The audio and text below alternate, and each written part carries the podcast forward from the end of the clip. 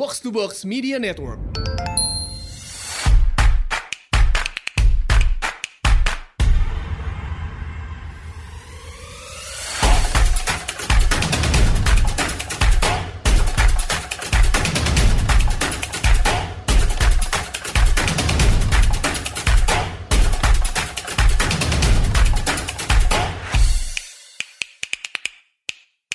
Selamat datang di Asumsi Bersuara.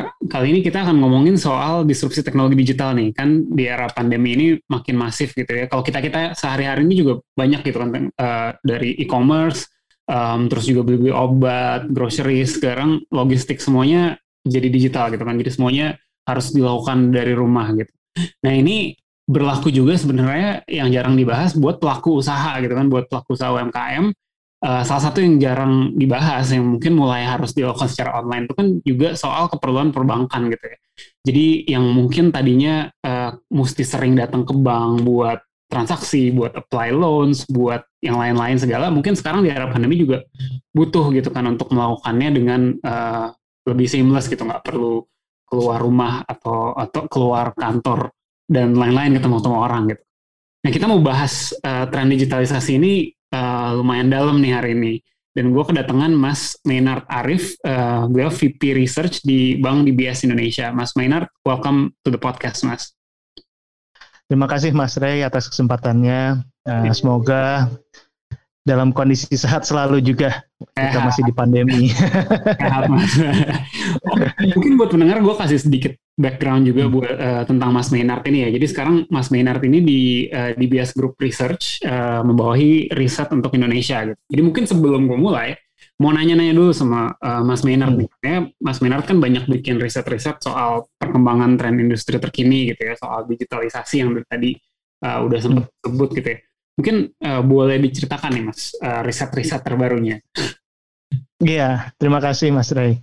Jadi uh, memang jadi di DBS ini kita ada tim research uh, di grup research namanya yang kita juga melakukan riset-riset terhadap berbagai industri. Nah, dalam uh, riset-riset kita itu kita juga melihat uh, berbagai perkembangan terkini di Indonesia uh, baik dari sisi ekonomi maupun juga dari industri. Nah, kita juga melihat salah satu yang uh, terbes uh, apa terkini itu riset kita salah satunya adalah mengenai digitalisasi dan juga bagaimana uh, perilaku konsumen uh, dengan adanya pandemi COVID-19 ini. Hmm. Jadi kita melihat ada perubahan-perubahan termasuk tren digitalisasi yang tadi hmm. juga hmm. Mas Ray sudah sempat uh, sampaikan di awal ya. Banyak perubahan gitu dengan adanya pandemi dan menyangkut digitalisasi juga. Mas mungkin lebih hmm. dalam soal uh, riset yang, yang Mas Mirar lakukan. Hmm. kan soal uh, digitalisasi di lintas sektor ini uh, setahun hmm. belakangan lumayan masif gitu kan. Segala aktivitas kayak dipaksa buat cepat mengadopsi teknologi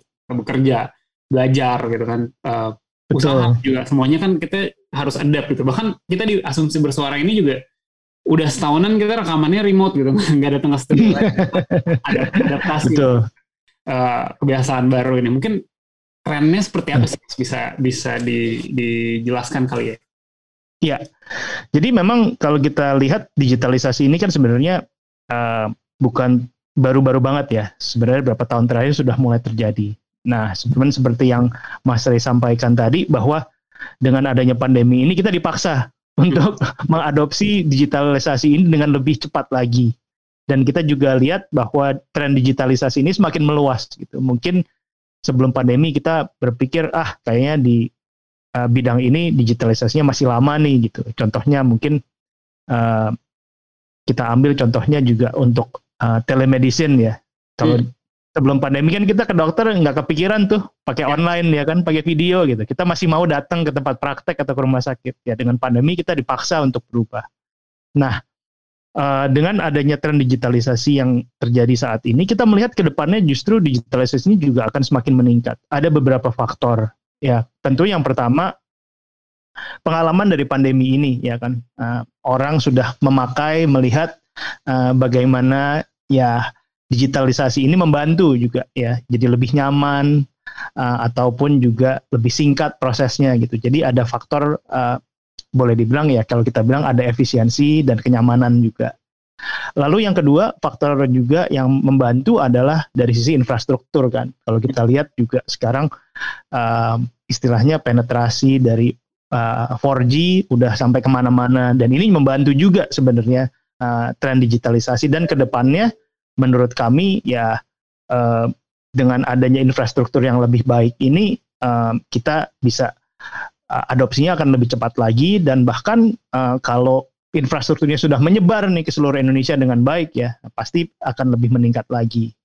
Tapi mungkin kalau berdasarkan beberapa riset kami juga ya yang menarik juga sebenarnya adalah uh, di Indonesia ini kenapa juga digitalisasi ini bisa pesat ya. Hmm. Nah, kalau salah satu faktor yang menurut kita juga menentukan adalah uh, dari sisi demografis begitu. Hmm. Jadi kalau kita bilang uh, dari faktor usia misalnya gitu ya, penduduk Indonesia kan relatif lebih muda. Oh. Jadi berdasarkan data sensus yang terbaru itu kan sekitar uh, hampir 40% merupakan uh, bilangnya Gen Z ya. Uh, jadi yang lahir tahun mendekati tahun 2000 ya kayak 97 98 ke atas gitu ya. Ini kan usianya basically sekarang masih 25 ke bawah gitu ya kan. Mereka itu kan istilahnya kalau mengadopsi teknologi paling cepat gitu. Yeah. Nah, ini merupakan iya, jadi udah digital native, udah istilahnya uh, beda lah gitu ya dengan generasi sebelumnya gitu bahwa udah mereka lebih cepat dan ini merupakan faktor-faktor yang menurut kita akan mendukung tren digitalisasi ke depannya begitu kan yang jadi sering sering ditanyakan ya hmm. uh, ini tuh nanti ketika ya moga-moga dalam waktu dekat ya pandeminya berakhir yeah. ini bakal bakal berlanjut atau yeah. ternyata mulai banyak yang akan oh ya udah kita balik hmm. Balik ke kantor lagi oh ya udah kita balik ke uh, bisnis as usual yang yeah. sebelum pandemi lagi gitu mas yeah.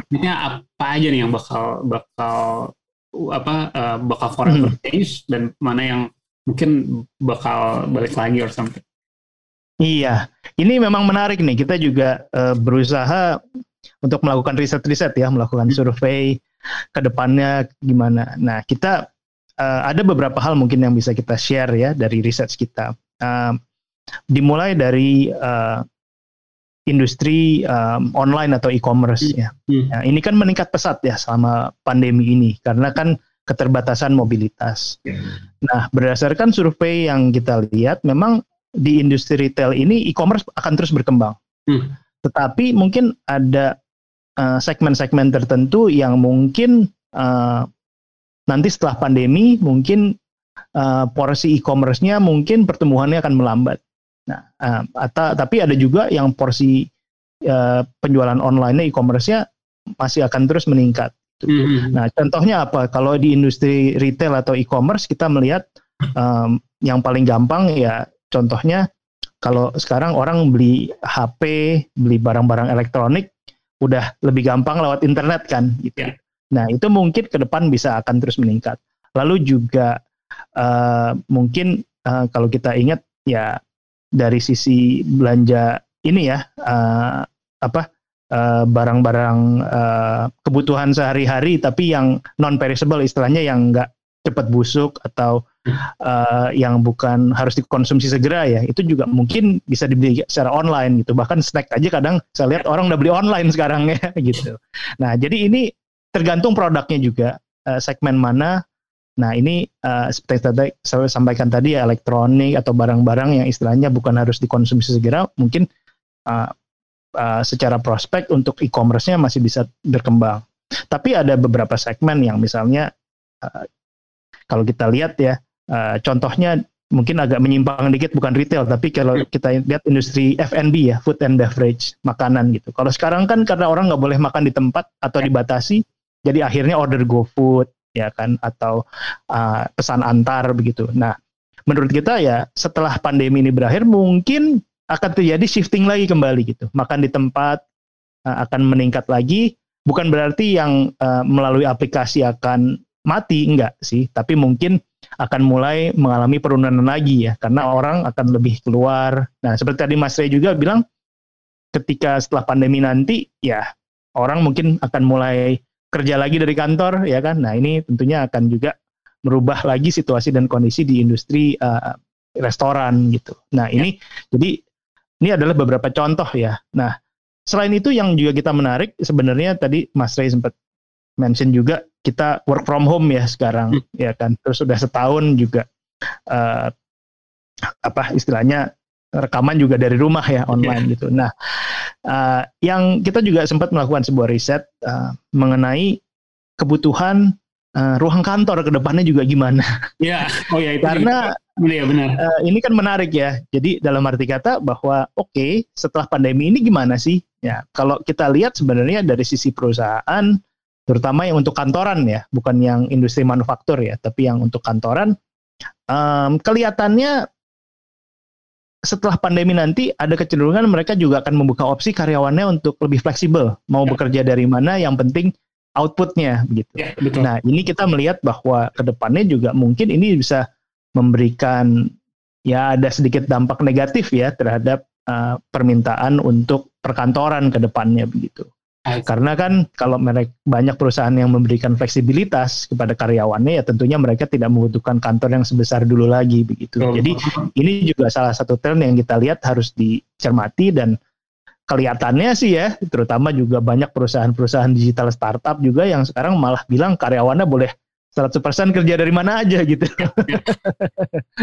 Jadi ya ini beberapa tren yang kita lihat sih. Jadi uh, yang setelah pandemi mungkin kita harus harus uh, perhatikan ya terutama permintaan seperti perkantoran begitu. Ya, ya, itu itu salah satu yang pas pandemi menyadarkan oh ternyata orang kerja dari rumah juga produktivitasnya nggak turun-turun banget. Kenapa kita harus Betul. Jadi akhirnya ada nah. permintaan komersial komersial retail space juga gitu ya. Betul. Dan juga saya lihat di Jakarta cocok ya kalau orang hmm. dikasih fleksibilitas ya mengurangi kemacetan. Oh.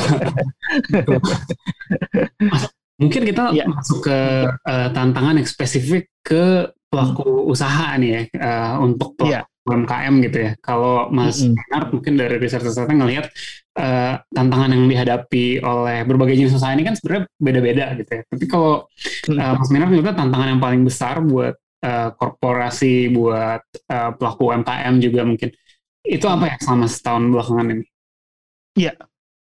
Um, nah, um, tantangan yang utama sebenarnya uh, bagaimana mereka beradaptasi untuk uh, bisa survive dengan perubahan-perubahan yang terjadi ini. Jadi uh, setahun ini kan setahun lebih malah ya kita hmm. mobilitas terbatas. Ya. Jadi tren perilaku konsumen berbeda, cara melakukan bisnis berbeda.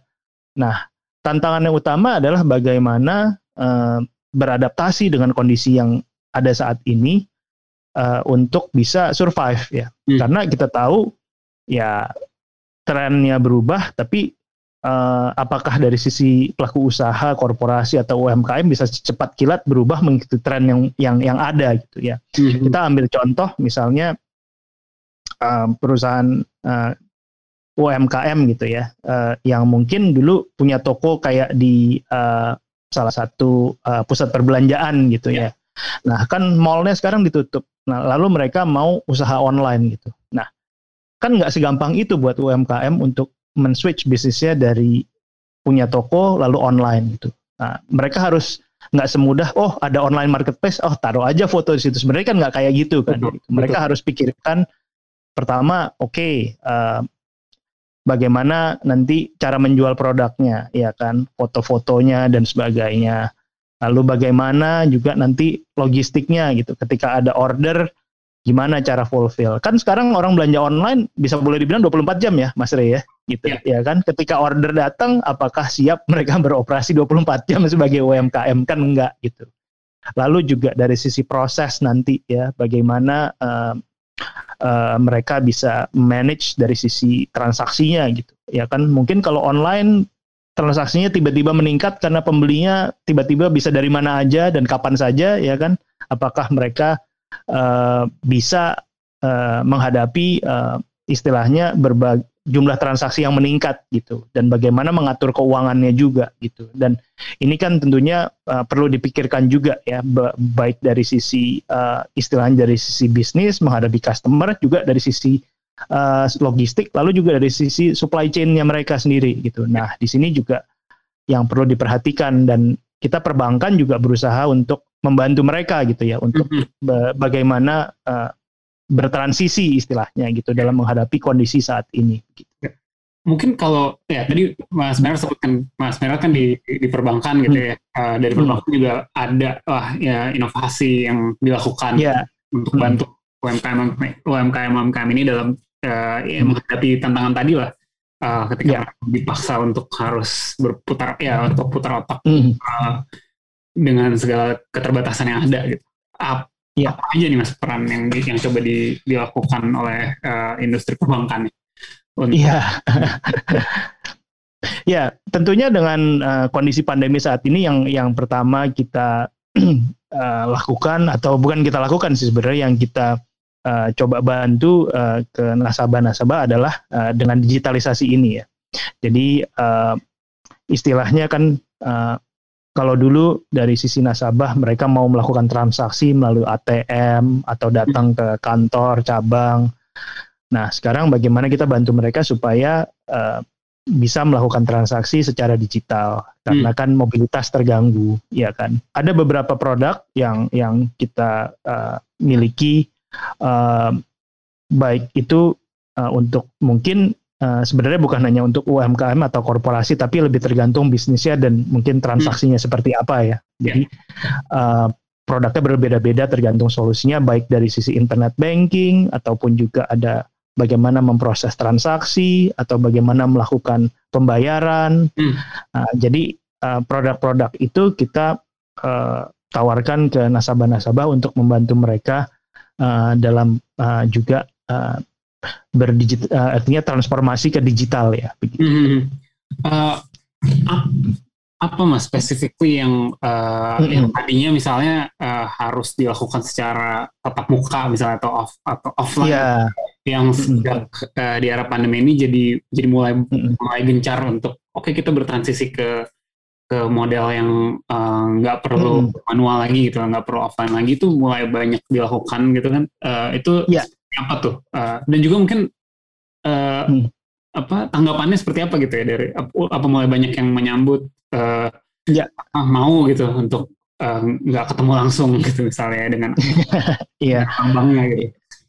Iya Mas. Jadi memang um, uh, salah satu contoh misalnya uh, kita juga uh, salah satu inovasi ya bagaimana kita membantu customer untuk membuka rekening secara online ya hmm, tanpa hmm. tetap muka walaupun um, masih ada restriction-restriction lah ada batasan-batasannya ya tapi itu adalah uh, salah satu uh, upaya kita untuk membantu customer ya jadi untuk membuka online uh, membuka rekening secara online ketika mereka bisa membuka rekening lalu melakukan transaksi via internet banking Ya, hmm. kita ada produk namanya Ideal ya, itu internet banking tapi khusus untuk uh, korporasi ataupun usaha ya. Jadi bukan hmm. untuk uh, sisi konsumen ya.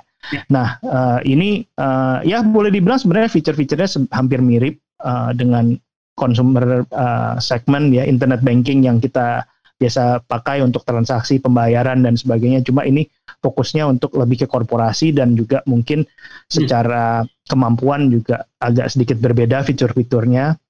Dan uh, salah satu yang kita juga coba bantu ya uh, dengan internet banking ini, contohnya uh, customer bisa melakukan transaksi uh, uh, falas ya melalui internet banking. Nah kalau dulu mungkin banyak yang mau transaksi falas mesti datang ke kantor cabang ya tulis uh, apa form lalu melakukan uh, apa uh, terutama kalau mereka harus melakukan pembayaran yang yang untuk pebisnis yang melakukan transaksi dengan luar negeri ya kan dulu uh, kita tahu ada limitnya kalau mau melakukan transaksi falas. Nah setelah itu kan uh, harus membuat pernyataan jadi kadang harus datang ke cabang gitu atau ngirimkan surat. Nah kita coba bantu supaya bisa formnya itu dibikin digital jadi hmm. prosesnya hmm. tidak perlu datang ke kantor cabang gitu. Ya.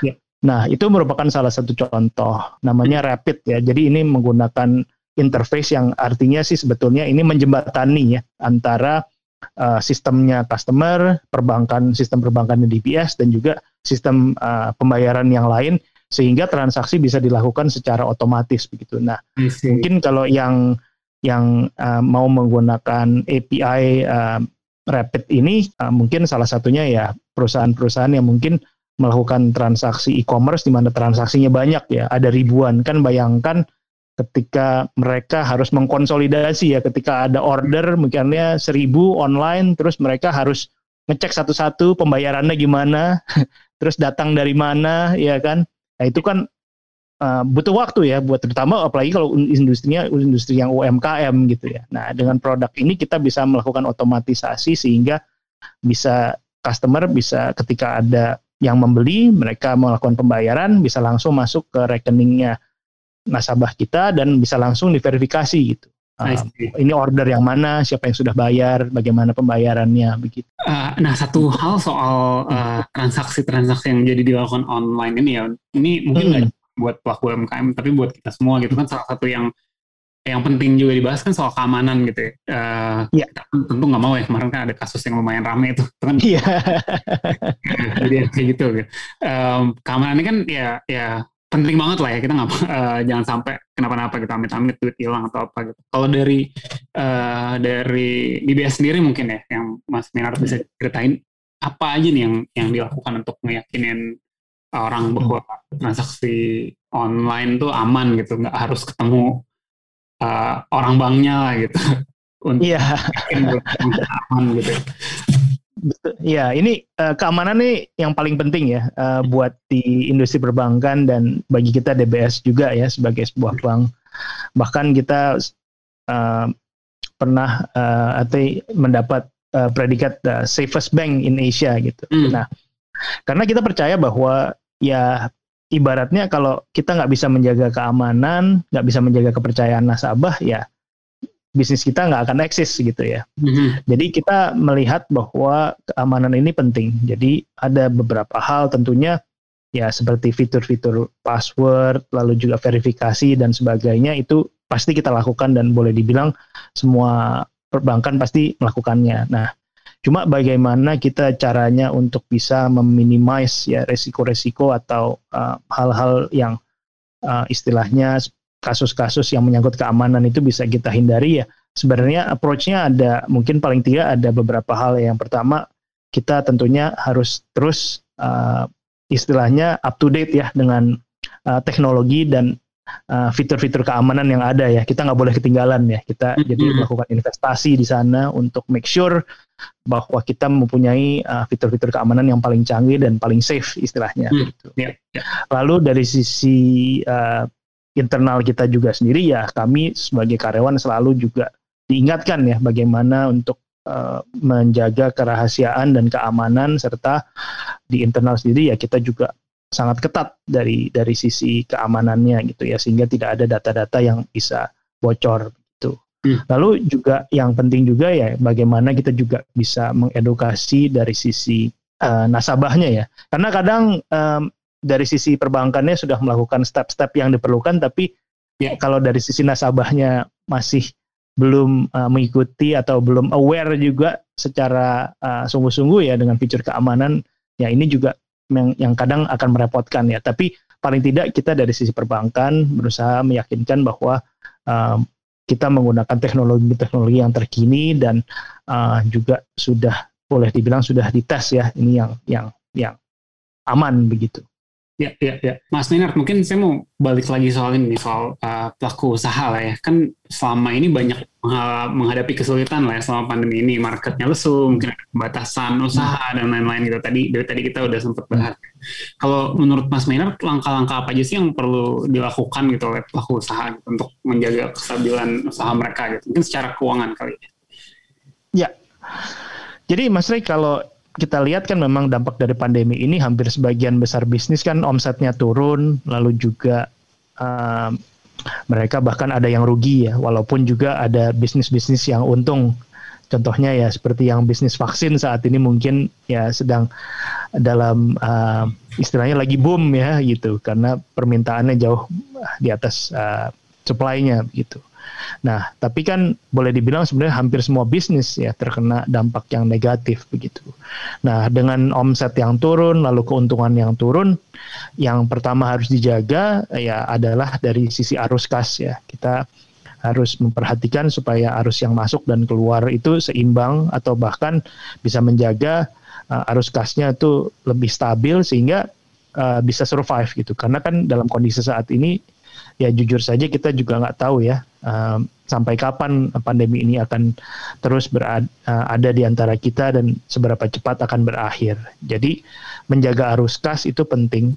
Contohnya uh, salah satu fitur yang ada di produk uh, um, Rapid kita yang menggunakan API itu kan uh, contohnya untuk mungkin yang mempunyai transaksi banyak ya bisa uh, menggunakan uh, API ini untuk memonitor gitu uang yang masuk, uang yang keluar untuk membayar supplier atau juga order-order dari customer apakah sudah bayar, bayarnya kapan dan bahkan transaksinya bisa dibuat real time gitu sehingga ini uh, bisa membantu mereka untuk uh, istilahnya uh, menjaga arus kasnya dan juga kalaupun harus mengambil tindakan bisa lebih cepat lagi karena datanya real time. Mungkin kalau dulu mereka harus lihat statement bulanannya atau harus telepon banknya dulu, eh posisi saya gimana sih? Ya. Nah, ini ini kan merupakan suatu uh, terobosan dan dengan menggunakan teknologi digital begitu. Lalu yang kedua um, bagi dunia usaha juga mereka harus bisa uh, melihat uh, kondisi uh, atau tren yang ada ya. Jadi dengan pandemi ini kan banyak perubahan dan ini tentunya mereka juga harus uh, apa uh, bisa menghadapi perubahan tren ini dengan dengan baik begitu ya untuk bisa survive. Nah, jadi uh, kita juga mempunyai uh, produk-produk digital ini yang akan membantu juga untuk customer kita itu untuk uh, mengikuti tren yang ada. Contohnya kan kalau ada yang mau transaksi online ya kan, uh, mungkin dulu nggak punya bank account, nah sekarang bisa punya bank account hmm. dengan membuka secara online gitu untuk mendukung transaksi-transaksi online ini gitu. Uh, lalu yang ketiga juga dari sisi uh, uh, apa uh, menghadapi uh, ini ya uh, supply chain ya yang terdisrupsi ya kan. Nah, ini kita juga bisa membantu ya produk-produk kita misalnya dengan mereka yang harus mem mempunyai supplier di luar negeri gitu ya. Dan sekarang itu produk kan mereka juga nggak bisa ke bank untuk melakukan transaksi. Nah, ini mereka juga bisa menggunakan uh, fitur-fitur digital untuk transaksi falas untuk membayar uh, suppliernya sehingga uh, bisnisnya masih bisa lancar dan nah, terus berjalan begitu. Nah, ini yang menurut saya uh, ya langkah-langkah yang uh, perlu di, di, diambil ya oleh pelaku usaha uh, dalam menghadapi kondisi yang tidak pasti dalam masa pandemi ini. Banyak juga mungkin pendengar-pendengar kita yang justru baru-baru ini mau mulai usaha gitu, ya, mau mulai bisnis gitu. Padahal yeah. masih belum balik normal, tapi um, banyak lah ya entah yang terpaksa atau atau yang emang hmm. ada ada niatan untuk usaha uh, mau mulai hmm. usaha tapi lagi di era pandemi kayak gini gitu. Mas Maynard ada tips and tricks nggak nih buat uh, mereka yang baru yeah. usaha nih? Iya, yeah.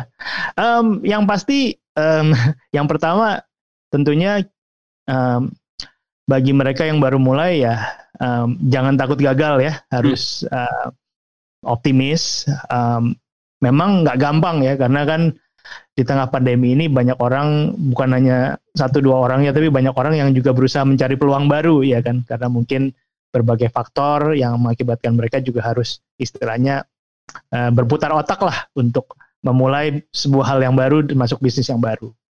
Nah jadi jangan putus asa nomor satu. Lalu nomor dua yang penting juga mungkin uh, ketika kita mencoba ya paling tidak um, kita berusaha melakukan sedikit studi ya. Uh, istilahnya oke okay, um, istilahnya apa sih kalau kita mau jual itu um, produk saya bedanya dengan produk yang lain tuh apa sih? Apa keunggulannya? Uh, dan tahu bagaimana uh, memposisikan produk-produknya atau servisnya yang akan di uh, istilahnya yang akan dijual ke uh, ke konsumen begitu hmm.